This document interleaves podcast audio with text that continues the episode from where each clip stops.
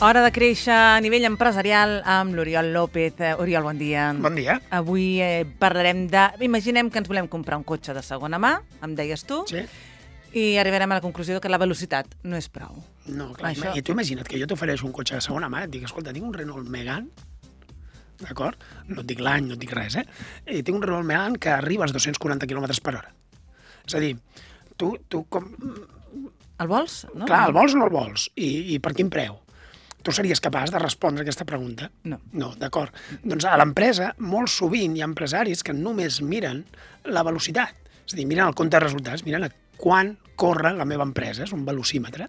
No? I llavors tu estàs conduint un cotxe i en el cotxe tens un quadre de comandament on hi ha la velocitat, hi ha l'acceleració, hi ha la benzina, hi ha els quilòmetres que has recorregut, però en canvi tu només mires la velocitat.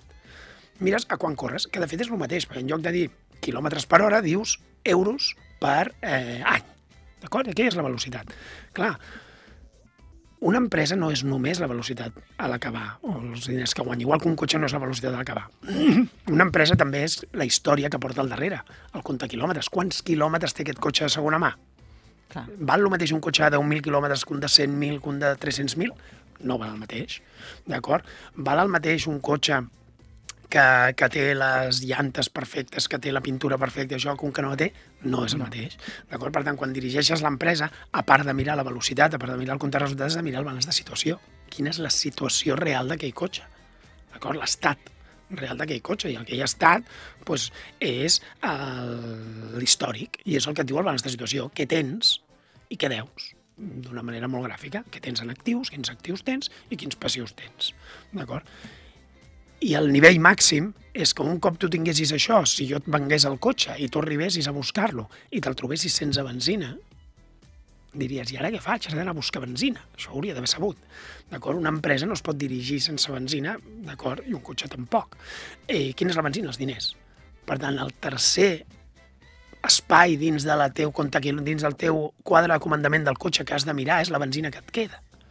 I de quina benzina disposes? I això són els diners, és la previsió de tresoreria. Exacte. D'acord? És quan, de quants diners disposo ara mateix i quants, de quants en disposaré, quants quilòmetres de més puc recórrer amb, aquests, amb la benzina que tinc ara mateix. Clar, amb aquests tres pilars tindrem una visió completa. Amb aquests tres pilars pots tenir una visió financera completa, però sense aquests tres mm, perds visió, Tu sobretot dius- quan només mires el compte de resultats. Tu dius rendiment, estat i recursos. Exacte, sí.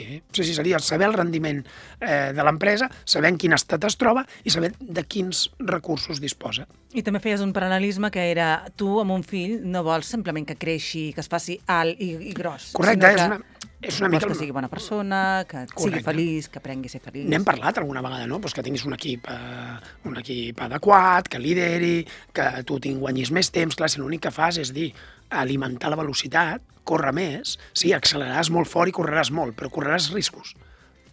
Pots xocar, pots patir una multa, pots eh, cremar el motor, d'acord? Pots consumir més benzina. És a dir, de vegades la velocitat no ho és tot. Segur. I si no mires les altres coses no pots saber en què t'afecta la velocitat. Doncs eh, el que dèiem, no és prou la velocitat, per tant, això a nivell empresarial molt present. Uh, Oriol, que tinguis bona setmana. Igualment, bona setmana. La primera pedra, dissabtes i diumenges de 6 a 7 del matí.